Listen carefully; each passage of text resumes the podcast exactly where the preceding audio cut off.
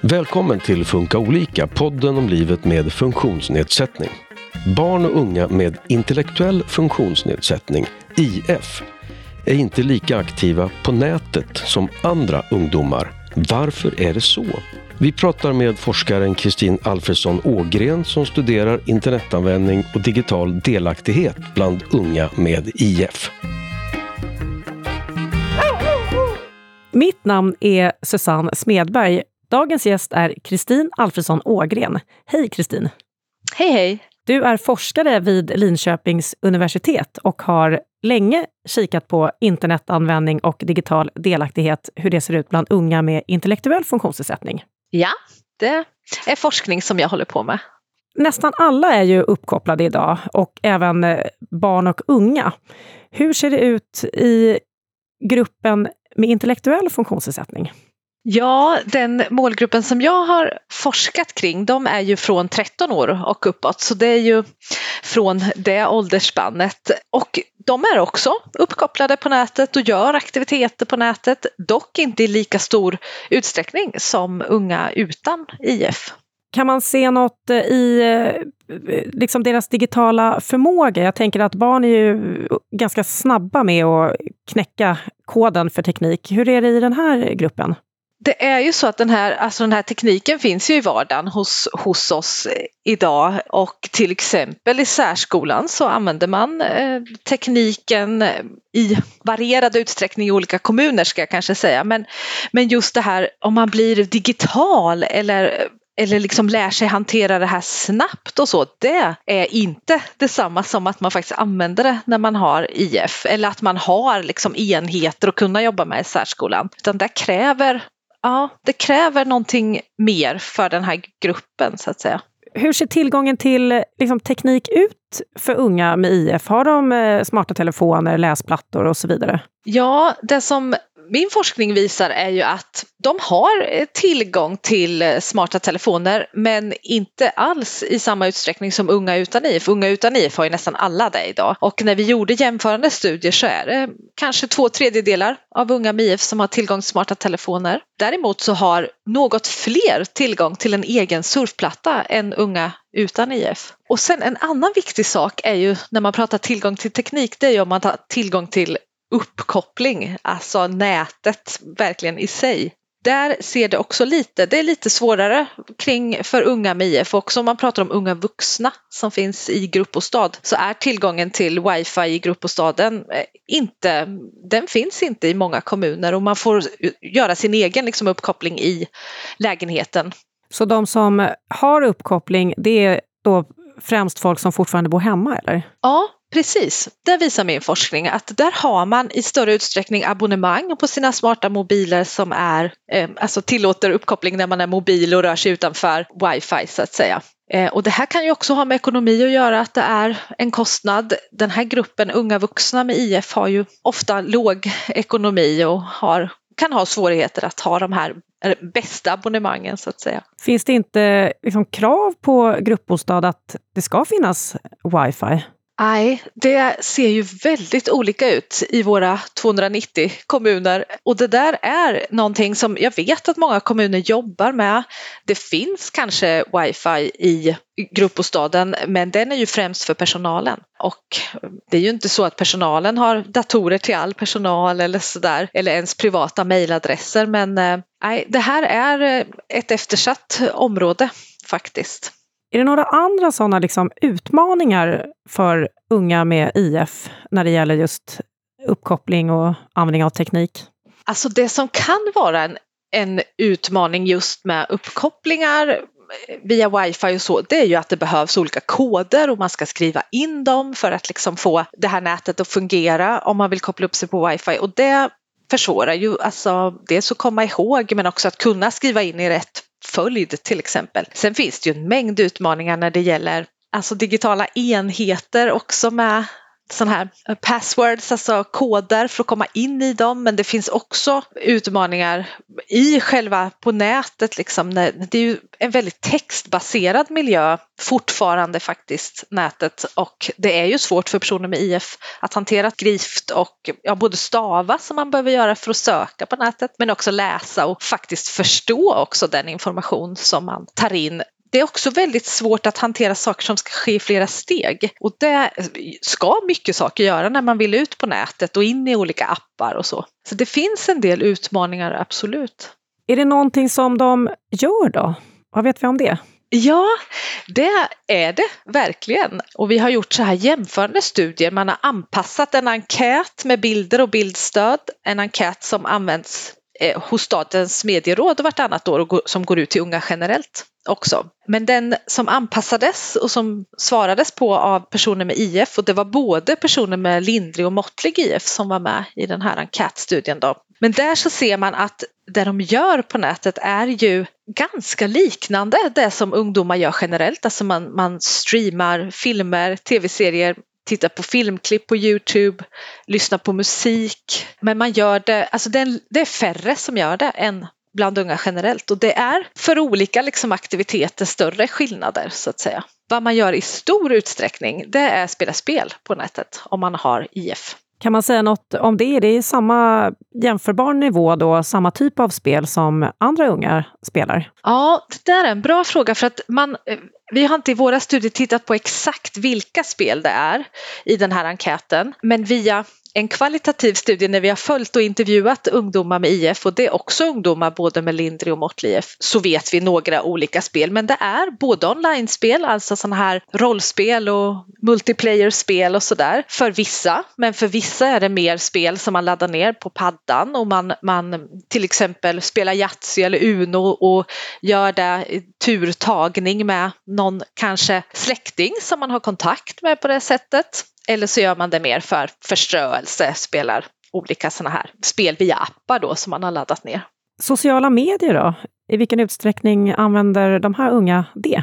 Det där är ju också någonting som har visat sig i våra studier att det är ungefär bara hälften av alla unga med IF som, har, eh, som använder sociala medier när de får uppge själva då och svara på den här enkäten. Och det är ju också någonting som nästan alla ungdomar gör utan IF ja, det finns ändå ungefär eh, hälften eh, so som gör det.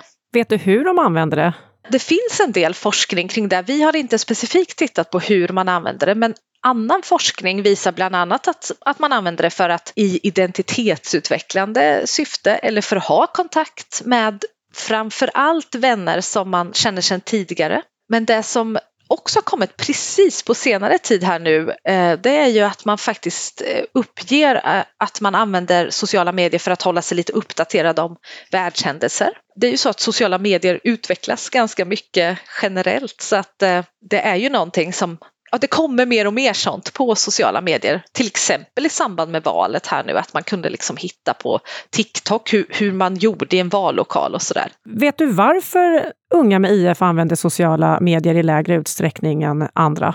Det finns då vissa studier som visar att det är svårare för personer med IF att få tillgång till sociala medier, alltså komma in i apparna, att de är svårtillgängliga. Det finns också studier eh, som visar att det finns en viss mått av att man ja, men vill vara alltså vill försäkra sig om att personer med IF inte blir utsatta för olika saker på nätet och att det gör att man kanske inte tillåter social medieanvändning i samma utsträckning om man är förälder, närstående eller personal kanske. Finns det andra sätt som de umgås med andra över nätet än just sociala medier? Ja, alla använder de här kommunikationsverktygen, framförallt bildsamtal, eh, Facetime, Skype och det har ju blivit en stor möjlighet för den här gruppen att faktiskt kommunicera med närstående och det är något som alla i alla fall som vi har följt och intervjuat gör men också i den här enkätstudien så uppger ungefär hälften att de använder den typen av kommunikationsmedel. Då. Och det är ungefär lika många som unga utan IF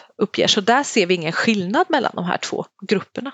Du sa att eh, många ändå använder just sociala medier för att eh, få information om valet och sådär.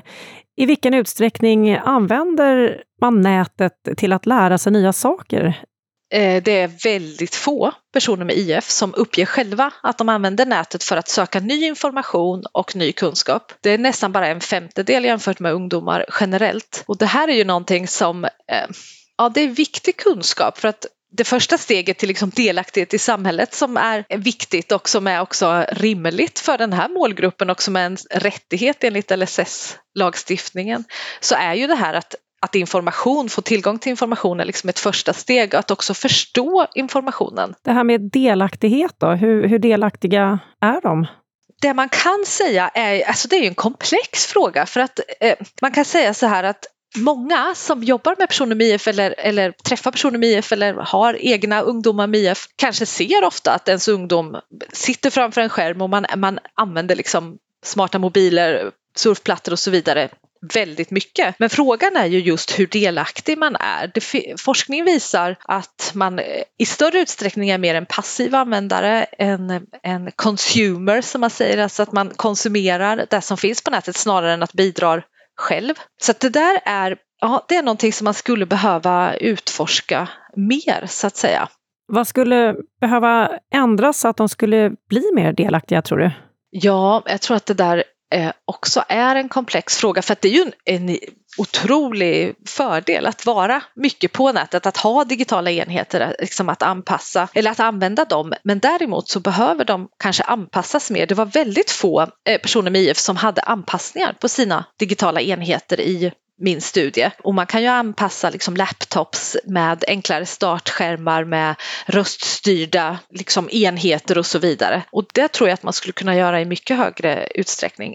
Dessutom så behöver ju liksom webben när man väl kommer in på nätet vara mer tillgänglig, anpassad med val liksom så att man kan få olika typer av kanske uppläsningar av sidor och så vidare. Så det behövs ju göras både webbdesignmässigt men också design av enheter och här tror jag verkligen att man skulle behöva involvera personer med IF själva, alltså användarna i den här processen och även närstående. Sen behövs ju också, man behöver ju jobba med attityder och så, så att man inte begränsar un, alltså personer med IF i sin nätanvändning utan att man är med och stöttar som personal, närstående och så, visar våra studier i alla fall. Därför att, och då behöver man ju också bygga upp sin egen digitala kompetens som närstående och som personal, både i skola och på kortis och på daglig verksamhet och så vidare. Jag tänkte på det där med anpassningar som du sa. Är det för att eh, folk runt omkring inte tänker på att de kan hjälpa till med det? Eller varför används inte de här anpassningarna som ändå finns? Ja, det kan säkert vara det. Det som också framkom i mina studier eh, var att Alltså de här personerna med IF som, som jag följde och observerade, de hade ju själva eh, alltså funderat ut väldigt mycket strategier för att kunna använda nätet. Bland annat hade man ju hittat de här mikrofonerna och man hade hittat Siri och man hade den typen av smart mobil och man hade eh, olika program som, där man kunde tala in. Men det som väldigt många vittnade om och berättade för mig och visade det var ju att eh, när man har lite oartikulerat tal så var det svårt för enheten att fånga upp exakt vad man ville leta efter eller skriva rätt på sms och så vidare. Vissa tyckte att det funkar bättre om de försökte prata engelska så de hade väldigt mycket strategier. Men det var också många som inte visste om olika anpassningar som finns så att säga i de här enheterna. Och det här utvecklas ju mycket idag i, i teknikanvändningen. Så att här tror jag att vi verkligen behöver eh, jobba mycket med digital kompetens som sagt för personal. Så att man håller sig uppdaterad och kan vara, ja, kan visa och kan liksom prova tillsammans med den unga med IF då. Du har nämnt tidigare att eh, det här eller studien baseras då på personer med lindrig och måttlig eh, IF. Kan man säga något om eh, personer som har svårare grad av IF? Nej, jag kan inte säga det baserat på mina studier. Däremot så vet jag ju att det också finns liksom föräldrar till personer med grav IF som på olika sätt har visat och berättat att deras ungdomar med IF på något sätt använder nätet. Alltså man tittar på film, man lyssnar på musik. Eh, men det är ju någonting som iscensätts av andra runt omkring dem så att säga. Så att vissa tjänster används ändå. Men det här har jag inte forskat utan det är mer så anekdotiska liksom, berättelser och så. Om vi tittar lite på risker då som finns. Eh, det är ju mycket liksom, oro generellt kring unga, att man kan eh, bli lurad både på pengar eller att det är någon som tar kontakt med en.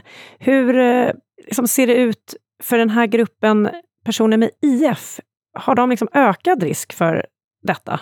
Det, där är, det är klart att det finns en risk, precis som du säger, för att det gör det för alla människor som använder nätet och där tror jag också att det beror på lite hur pass insatta vi är i det här med säkerhet på nätet oavsett liksom ålder och funktion nästan. Så det hör ju också ihop med den digitala kompetensen att det behöver ingå där. Men det finns inte, alltså den forskning som jag har gjort så så är det bland annat så att eh, enkätstudien visar att unga med IF, det är färre unga med IF som, som delar personlig information på nätet än unga utan IF. Till exempel är det eh, färre som eh, skriver sitt namn eller skriver sin adress på nätet och de pratade också om det vid intervjustudierna att, att det får man inte göra och så. Så att man, man verkar vara införstådd, eh, vissa med risker men sen så är det ju också det här att man kan ju vara utsatt för andra saker och till exempel det här med nätmobbing. Där var det fler ungdomar med IF som uppgav att de hade blivit utsatta för det än unga, med IF, äh, eh, unga utan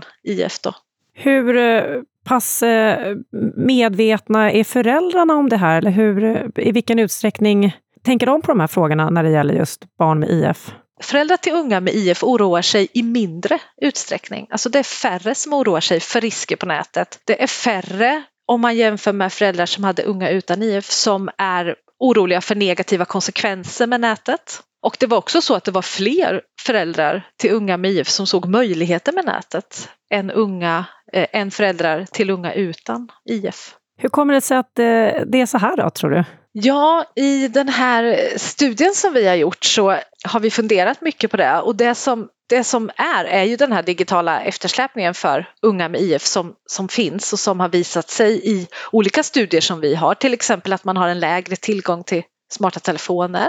Man har också, man använder sociala medier i mycket lägre utsträckning. Och det är ju på de här liksom både enheterna och apparna som, som det finns stor risk för att vara utsatt för risker och negativa konsekvenser och så. Men det som också som visar sig i några andra studier det är att alltså föräldrar till unga med IF ser också nätet som en möjlighet. Vi vet från tidigare att unga med IF har ja, mindre sociala kontaktnät, alltså färre vänner och då ser man nätet som en möjlighet att ändå få träffa andra digitalt, att få spela spel med andra, att få liksom, ha någon kontakt på sociala medier, att kunna dela händelser i sitt liv på sociala medier. Så att det kan vara den positiva liksom, aspekten också som gör att man ändå ger mindre uttryck för oro eller negativa konsekvenser. Vad säger de unga själva då om vad som är positivt med nätet? Ja, det där är ju spännande. Väldigt många använder det ju och det här är en, en lite ny studie som vi inte riktigt har publicerat än men väldigt många använder det ju, visade sig i den studien som, alltså man vill visa att man tillhör en ungdomsgrupp som faktiskt använder nätet. Man har digitala enheter, man bär med sig dem och man liksom är ute på dem så att säga. Men det är också viktigt för många med IF att kunna precis som ungdomar generellt, alltså lägga upp saker som de gör och, och liksom berätta om sitt liv, livshändelser. Att man kan så att säga hitta aktiviteter att göra på nätet. Man tittar mycket på film och streamar och man följer serier och sådär och det är någonting som man uttrycker som är viktigt eh, för en men också att ha kontakt med andra via nätet. Är det något som är svårt eh, som de egentligen skulle vilja kunna använda sig mer av? Ja, det är det ju och det visar ju förmodligen, alltså de här siffrorna som visar att det är färre som använder står ju troligtvis för det. Man ger uttryck för att många saker i samhället är digitaliserade idag och att det i viss mån försvårar alltså delaktighet i samhället generellt. Till exempel det här med busstidtabeller, eh, bussbiljetter, att verkligen köpa rätt bussbiljett eller hamna på rätt buss och passa rätt buss och så. Så där finns det exempel där man har så att säga fått ja, man har missat bussar, man har behövt bli hämtad av föräldrar hos vänner och det har gjort att föräldrar blir mer restriktiva till att man ska få åka dit för man blir orolig hur personen tar sig hem och så vidare. Så att det finns sådana exempel. Det blir begränsande helt enkelt. Ja, Precis. Men också exempel att det möjliggör delaktighet i samhället. Ett, ett exempel är det här med när man har IF och man är väldigt sportintresserad och man kanske vill gå på sitt lokala fotbollslags eh, hemmamatcher men man vågar inte för att det känns lite otryggt, det är väldigt mycket folk, det är hög ljudvolym och så, så har ju den här möjligheten att kunna streama live de här fotbollsmatcherna, det, det lyfts fram som något positivt så kan man ändå prata sen med sin familj om matcherna till exempel. Är det några tjänster som fungerar bra då? Ja, det är nog ganska många tjänster som fungerar bra men, men de här samhällstjänsterna så att säga för att vara en, en samhällsmedborgare de är ju inte riktigt anpassade kognitivt för olika grupper i samhället skulle jag väl vilja säga. Man kan ta till exempel bara det här med e-hälsa, alltså hur man kommer in på 1177 och hur man förstår det. Det är komplext. Man behöver också ha mobilt bank-id. Eh, så att just de här lite mer samhällstjänsterna med information via nätet verkar fortfarande idag vara för komplexa för personer med kognitiv nedsättning generellt att liksom ha möjlighet att använda sig av. Vad får de för stöd då med att använda de här tjänsterna?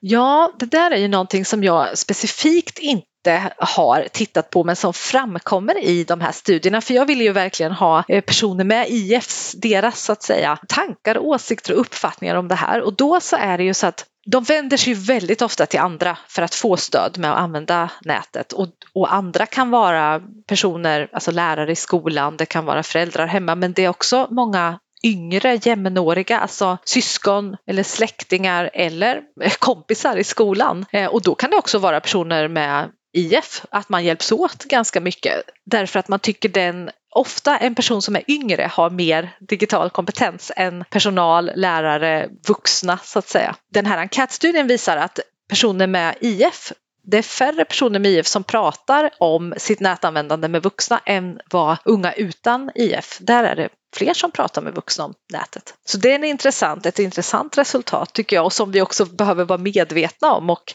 öppna upp för och möjliggöra liksom att vi finns tillgängliga och prata om nätet och som sagt var att man behöver uppdatera sig på sin digitala kompetens då. Och varför pratar man med vuxna i lägre utsträckning tror du? Alltså det är egentligen inget resultat som jag har från studierna men om jag ska tro och fundera utifrån de personer med IF som jag möter så, så kan det vara att det fortfarande finns en sida av det här med alltså att skydda den här gruppen eh, personer med IF och att där tror jag också att vi skulle behöva jobba mer med att låta den här gruppen ta risker på nätet men att vi finns tillgängliga och att vi kan stötta vid val som man måste göra på nätet, att vi kan gå in och resonera om saker som har hänt på nätet så att vi måste kanske initiera den diskussionen. Därför att den kanske har varit präglad av en, en skydd, skyddande liksom diskussion att ja, men var försiktig när du är på nätet och skriv inte och du måste tänka på att inte göra det här och så. Men vad kan man göra då och hur kan man då göra det så att säga? Skolan då? Anpassad skola eller särskola? Vilken roll har de i att eh, ge digital kompetens till de unga? det finns ju så att säga ämnen i särskolan och, och, nu har ju jag främst varit på gymnasiesärskolan men även på högstadiet och det finns alltså man, man använder en hel del digitala enheter och ganska tidigt var vissa kommuner i Sverige eh, inne på det här med en till en, alltså att man skulle få ha en egen digital platta i, redan på högstadiet i särskolan just, kanske till och med tidigare än på skolan generellt. Och man har också ämnen i till exempel gymnasiesärskolan där man jobbar med digital mediakompetens och det ska vara vissa liksom poäng av det i, i schemat och så. Men här är ju också en fråga hur man kan utveckla de här ämnena för att vara så att säga, användbara för den här målgruppen. När jag följde med och observerade så, så jobbade man till exempel med att skapa powerpoint om olika saker och det, och det funderade jag på lite. Är det liksom det viktigaste för personer med IF att få utbildning kring när det gäller digitala kompetenser eller kan det vara annat som kan vara viktigare för att kunna bli en liksom fungerande samhällsmedborgare? Vilka förändringar skulle behövas för att eh, göra dem mer delaktiga, tror du? Ja, det är nog precis som annat en komplex fråga och då behövs det också eh, förändringar på flera olika nivåer och i olika miljöer. Dels att det är vad ska jag säga, fysiska förändringar på enheter och att, att det finns mera tillgängliga anpassningar. Eh, också anpassningar på webben. Alltså det finns ju en lag nu om att offentliga myndigheter och så ska ha sin information tillgänglig men, men där är det ju också ett arbete att göra för, för dem och hur gör man det bäst? Och så har vi också en otroligt bred målgrupp med personer med, som behöver olika anpassningar för att kunna ta till sig webbinnehåll. Så här behöver man nog vara ganska kreativ och liksom eh, både från webbdesigner och myndighetshåll och så vidare att, att verkligen möjliggöra olika typer av anpassningar. Men sen tror jag också verkligen att det handlar om att öka digital kompetens hos personal, lärare, alltså personer som, som ska ge stöd till unga med IF. Eh, och dessutom det här kring attityd och ja, att det blir en, en självklarhet kanske, alltså en, någonting naturligt i vardagen att vi tar till våra digitala enheter, vi använder nätet, vi söker efter information även om vi är en ung med IF och att vi som finns runt stöttar med det. Eh, också att man kan använda så att säga digitala enheter mer som hjälpmedel så att de, de finns mer tillgängliga och är ja, men väldigt självklara att ha, att ha nära personen med IF och verkligen använda sig av. Vad tror du framåt då? Kommer man inkludera den här gruppen mer i den digitala utvecklingen? Alltså jag hoppas och tror det, för jag tror att det är en nödvändighet. Och även andra grupper med olika typer av nedsättningar och det finns ju redan idag absolut olika ja, men grupper som ger liksom är referensgrupper och ger input till olika, i olika kommuner och olika myndigheter och så. Men jag tror att det kommer vara en, en nödvändighet eh, för att göra nätet mer tillgängligt så att säga. Och där säger jag stort tack Kristin Alfredsson Ågren, forskare vid Linköpings universitet. Stort tack själv för att jag fick vara med. Du har lyssnat på Funka olika, en podd från Habilitering och hälsa som är en del av Region Stockholm. I nästa program pratar vi om utmaningar med skärmanvändning för unga med neuropsykiatrisk funktionsnedsättning som autism och ADHD. Vi hörs då!